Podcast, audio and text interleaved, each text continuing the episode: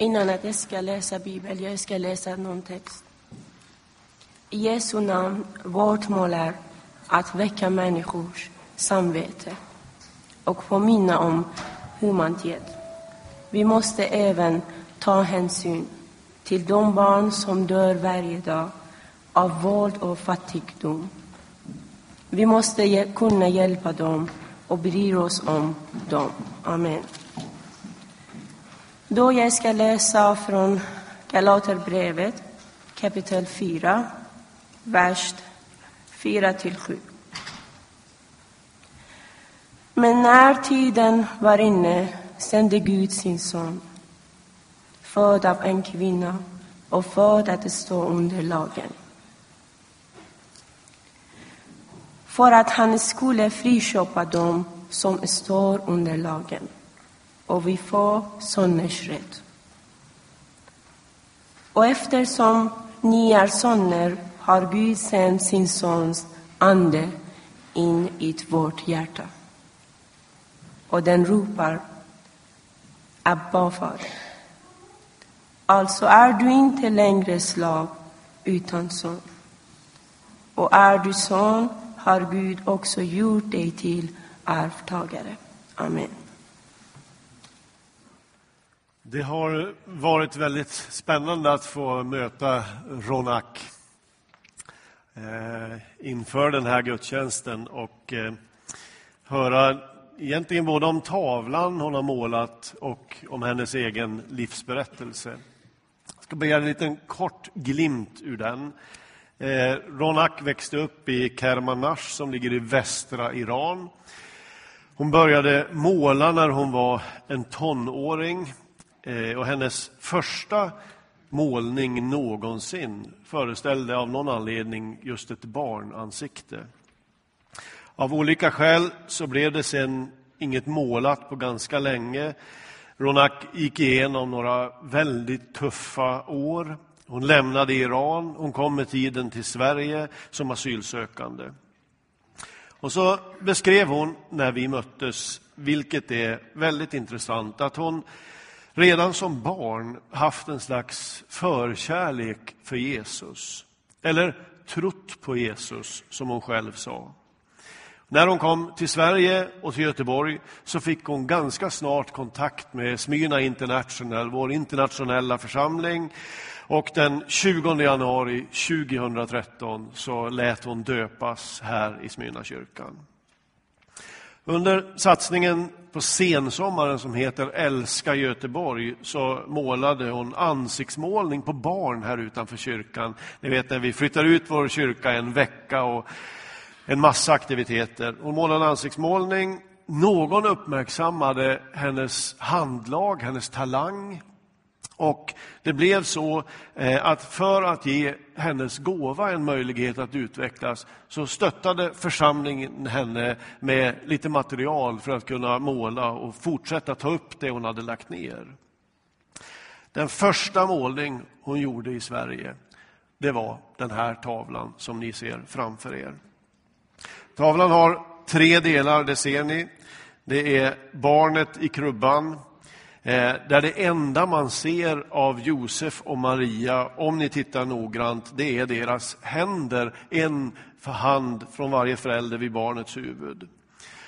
Den andra delen i tavlan det är ljuset från himlen, som i Ronaks tolkning inte är Betlehemsstjärnan, vilket man skulle kunna tro, utan som eh, står för ljuset i Nasaret vid bebådelsen av Maria, Jesusbarnet.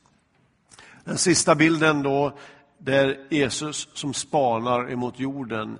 Inte längre det lilla barnet, utan nu världens frälsare som kom för att rädda en hel värld.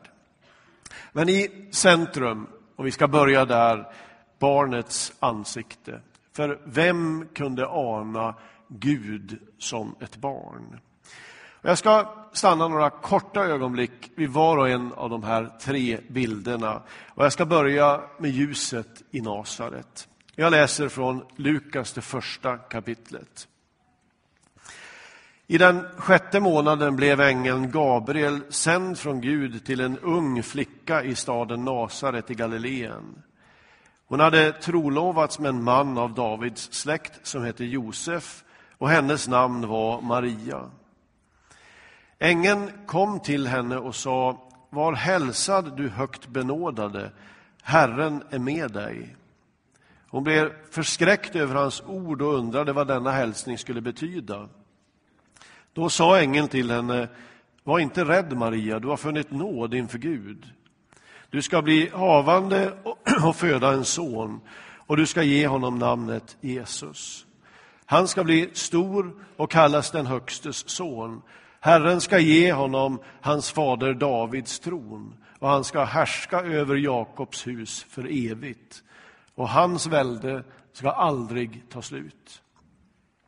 Maria sa till ängeln, hur ska detta ske? Jag har ju aldrig haft någon man. Men ängeln svarade henne, helig ande ska komma över dig och den Högstes kraft ska vila över dig. Därför ska barnet kallas heligt och Guds son. Eh, jag vet inte vad ni tänker när ni hör den här texten, men jag tycker att ju mer man tänker på den, desto mer uppseendeväckande, nästan provocerande är den här händelsen. Alltså en tonårsflicka, förmodligen någonstans i 13-14 års ålder, får mitt i sitt hushållsstök besök av ärkeängeln Gabriel. Den ängel som fick Daniel i Gamla testamentet att bli så förskräckt att han blev liggande i vanmakt med ansiktet ner mot jorden. Nu kommer han till en tonårsflicka och naturligtvis blir hon utom sig av rädsla. Men det sätt på vilket himlens budbärare möter henne det är ett skolexempel både i varsamhet och faktiskt i kristen människosyn. För det första ängeln säger, det är var hälsad du högt benådade, Herren är med dig. Alltså, Maria är i mötet med denna ängel inte vem som helst. Redan i hälsningen ligger den där djupa vördnaden för personen, för människan. I tidigare översättning, vår gamla översättning, så, så det här var hälsad, så stod det häll dig eller häll dig. Eh, och det där är ett ganska svåröversatt ord, men det är lite intressant att det här ordet häll dig har sina rötter i glädjen faktiskt, ner, rakt ner i glädjen. Och därför har eh, bibelöversättare, när man har försökt översätta detta, gått i spinn åt lite olika håll. Och det finns alla möjliga varianter på vad ängeln egentligen säger när han hälsar. Allt ifrån att ängeln säger God morgon, som en översättning föreslår, till att ängeln säger Grattis Maria. Eh, och därför kan man säga att i botten av allt som har med kristen tro att göra så finns den där glädjen. Så evangelium är först som sist glädjens budskap.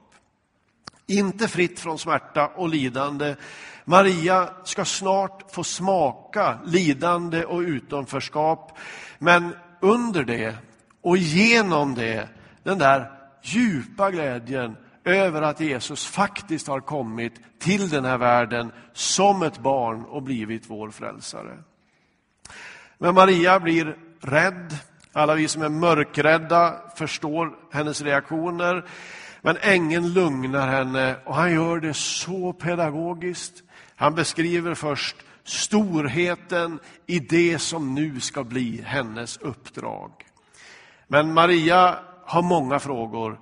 Hur ska detta ske? Alltså hur ska det gå till? Och det svar Maria får är dels att helig ande ska komma över henne. Eller överskugga henne, som, som det står i grundtexten. Och ordet betecknar nästan som en sky som sveper in henne. Och det är viktigt att veta. När Gud gör någonting, när den heliga Ande är i rörelse, så är det aldrig någon offentlig show, utan Gud möter oss mycket diskret och mycket varsamt, av vördnad för den enskilda personen. Eh, när anden som en gentleman har svept in henne i denna sky så ger Maria sitt medgivande. Hon svarar sitt livs ja, låt det ske med mig. Den andra upplysningen kommer också från ängeln som svar på hennes frågor. Det är bra att ställa frågor, inte minst när man kommer in på det andliga, så är det alltid bra att ställa frågor, så att man inte sveps med i någonting som inte har landat i ens egen person. Det är, det är ju att ängeln försäkrar henne det som hon måste veta inför det som nu ska komma. Nämligen att för Gud är ingenting omöjligt. Ingenting. Och så tänker jag så här, är det inte, är det inte väldigt, väldigt rörande med den respekt som himlens sändebud hanterar en tonårstjej. Nästan som en drottning faktiskt. Och Olof Hartman, teologen, skrev på sin tid att himlen sänder en av sina sju ministrar i Guds världsregering bortom alla vintergator för att hälsa på flickan Maria i småstaden. Och det här är naturligtvis en slags förolämpning mot alla andliga hierarkier, alla andliga system. Att en änglaförste måste böja sig i vördnad för en tonårsflicka. Det är också någonting alldeles oerhört. Det är så här kristen människosyn betraktar varje människa, också de små, också de som är i vardande. Det är bekräftelse, det är utmaning och det är en stor dos hopp. Och jag önskar att varje tonåring som växer upp i vårt samhälle, som flyttar hit, likt Ronak har gjort en gång för att bli en del av vårt svenska samhälle. Jag önskar att var och en av dem, varje medelålders, varje pensionär, varje åldrad människa skulle få vara med och liksom möta det som den här ängeln förmedlar till Maria. Det är tre saker. För det första, du är respekterad. För det andra, ditt liv har en mening. Alltså det finns ett uppdrag för dig. Du är behövd i den här världen. Och det sista, ingenting är omöjligt så länge Gud är med. Ingenting är omöjligt. Och märk, så möter himlen en liten människa. Och så borde alla våra möten innehålla någonting av detta. Du är respekterad, känn det. Du är, ditt liv har en mening, det finns ett uppdrag och ingenting är omöjligt för Gud.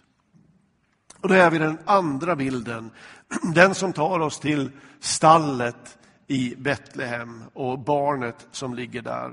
Vi går från tonåringen till det lilla späda barnet. Eh, vi sjunger ju och älskar den svenska salmen som är för stolt, så stolta över. O store Gud, när jag den värld beskådar.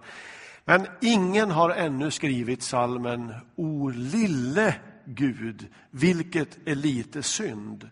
Därför att det är faktiskt, oftast i alla fall, inte i tanken på Guds storhet som det slår slint. Utan det är i tanken på Guds litenhet. Alltså att livets Gud, skaparen av allt, kunde bli så här liten. Där någonstans slår det ofta slint. Den allvise härskaren kommer utan någon som helst förklädnad och vi ser, och vi kan nästan inte ta in den här bilden, vi ser att detta är ett nyfött litet barn. Alldeles hjälplös. Så ligger han i hjärtljudet på den flämtande huden vid sin mammas bröst och bara finns. Fullständigt utlämnad. Jag roade mig med att korsklippa det som sägs om den kommande fredsfursten i Jesaja-texten, Jesaja 9, där det står ty ett barn blir oss fött. Jag roade med mig att korsklippa det med det som vanligtvis sägs i ett förlossningsrum, som ju det här handlar om. Och det, det blir en ganska märklig läsning. Så här blev det. Och detta är hans namn, säger Jesaja profetian om barnet i krubban. Allvis härskare. Josef viskar till sin utmattade hustru. Det blev en pojke. Gudomlig hjälte, säger Jesaja. Josef viskar Maria som är trött. Vill du skära av navelsträngen? Evig fader, dundrar Jesaja. Titta, säger Josef. Nu söker han efter bröstet. Fredsförste. Shh, säger Maria. Han sover nu. Precis som i Ronaks bild. Det här är viktigt. Fruktansvärt viktigt. Livets Gud kom inte till världen som en färdig, gammal, vis man. Livets Gud föds in så som varje barn har fötts in i den här världen. Och livets Gud hade en lång skolgång som sträckte sig i mer än 30 år och som bara hade ett ämne på schemat, nämligen konsten att vara en människa. Och så undrar man, skulle det här vara nödvändigt? Alltså, kunde inte Jesus ha kommit som en 30-åring istället? Alltså färdig för tjänst, vuxen, mogen, stark. Nej, det kunde han inte, därför att i den här bilden så ligger livsnödvändig kunskap gömd. Livsnödvändig kunskap för allt andligt liv, allt andligt växande. Att han kom på det sätt han kom är en av grundbultarna i kristen tro. Eh, jag tänker att, att Gud finns där uppe, äger all makt och alla resurser, har skapat himmel och jord och allt som finns. Jag höll på att säga, det är väl en sak. Men att Gud skulle finnas här nere, bland alla våra konstiga tankar. Allt det där som far igenom ens huvud som man inte kan stoppa. Alla våra konflikter, allt vårt vardagliga slit. Att Gud skulle finnas i det är svårare att tro ibland. Men det var in i detta Jesus föddes. Det var genom detta han levde sitt liv. Och att Gud blev människa kallas i teologin för inkarnation. Och ni vet att det där krångliga ordet betyder förvandla till kött, bli till kött. Och den tanken, den har alltid varit stötande. På så långt avstånd från majestät och upphöjdhet man kan komma så gör den frälsande guden, den enda som kan rädda världen, den enda som kan rädda en människa, den guden gör entré i den här världen genom ett moderliv. Den Gud som i Gamla testamentet var höljd i dunkel, höljd i töcken, som ingen kunde se utan att dö, gör sig nu en gång för alla tillgänglig. Han träder ut ur sitt mörker, han blir synlig, påtaglig, till och med möjlig att beröra, sårbar och dödlig. Och det är precis det som Ronak läste i texten ur Galaterbrevet. Men när tiden var inne sände Gud sin son, född av en kvinna, att stå under lagen för att han skulle friköpa dem som står under lagen och vi få söners rätt. Och eftersom ni är söner har Gud sänt sin sons ande in i våra hjärtan och den ropar Abba, fader, alltså barnets uttryck till pappan. Alltså är du inte längre slav, utan son. Och om du är son så har Gud också gjort dig till arvinge. Den Gud som kommer till, som ett barn går bara att möta hos den som själv blir som ett barn och möter honom där. Och då är vi den sista bilden. Och den har jag kallat för skyddet i barnaskapet. Ronak, det var för mig ett väldigt rörande ögonblick, ett starkt ögonblick när, när du och jag stod här inne i en alldeles tom kyrka. Vi träffades här en sen eftermiddag. Det var bara värdar på kyrktorget och så vi två. Eh, du berättade för mig om din målning. Du berättade för mig om ditt, ditt liv. Och så slogs jag igen av vad som har hänt med vår församling under de sista åren, som är helt fantastiskt. Att vi har fått bli en slags blandning, en mötesplats av människor från jordens alla hörn. Och med det så har vi också fått de här berättelserna om människors livsvägar som jag berikat den här församlingen på ett sådant sätt så att vi aldrig kommer bli de samma igen. Jag vet det och vi har dessutom bara sett början. Kanske var det den här sista bilden som tog mig mest.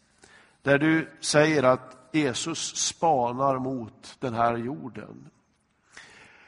Som ni ser så är det inte längre det söta, det gulliga barnet som står i fokus. Nu spanar Jesus mot den jord han älskar, den mänsklighet han gav sitt liv för. Och jag vet inte hur många gånger Ronak underströk att det här, det är det stora med hennes Jesus-tro. Att Jesus aldrig släpper mig ur blicken. Att han tar hand om mig, att hans ögon är vända åt mitt håll. Och då ska man betänka vad hennes tro på Jesus redan har kostat henne. Och man ska också veta faktiskt att hennes tro på riktigt kan komma att kosta henne livet. Det berättade hon för mig. Men hon tvekar inte. Därför att hon har mött den levande Jesus, barnet i krubban, men också den uppståndne, härskaren Jesus, lejonet av Juda, så tvekar hon inte, precis som Maria. Då står hon här och så berättar hon att hon har gett sitt livs ja. Märk, tron befriar ingen av oss ifrån svåra passager. Men när du kommer dit, till det du fruktar allra mest i ditt liv, då ska du få upptäcka att Jesus är redan där. Det är det som är inkarnationens stora poäng. När du kommer till det du fruktar, då är Jesus redan där. Hans ögon har följt dig.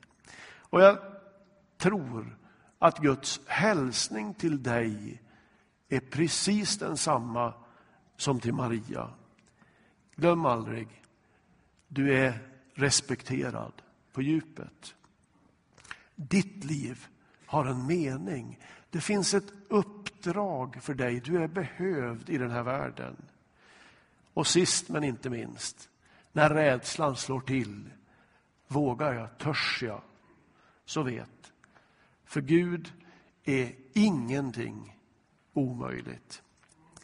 Och Det är nästan så att jag skulle vilja säga till dig till sist, som ängeln sa, grattis. Eller varför inte slå till med God jul. Amen. Vi ber. Ja, herre, jag tackar dig för den här serien vi har fått ha av gudstjänster där, där våra konstnärer, Herre, alla de som, några av dem som sitter på stora gåvor har fått uttrycka någonting, Herre. Tack för vad det har gjort med våra predikningar. Herre, tack för vad du också har gjort med, med känslan av att hela livet är ett tillsammansprojekt. Allt vi gör, gör vi tillsammans. Och jag måste få tacka dig extra mycket idag, Herre, för vad du har gjort med vår församling de senaste åren. Tack för Ronak, tack för alla hennes systrar och bröder som kommit från världens alla hörn och på djupet förändrat den här gemenskapen. Och Gud, jag ber, håll oss samman, bind oss samman. Låt ingenting splittra oss, utan låt oss få se en framtid där detta bara var början, Jesus. Det bästa ligger framför. Jag tackar dig för det, i Jesu namn. Amen.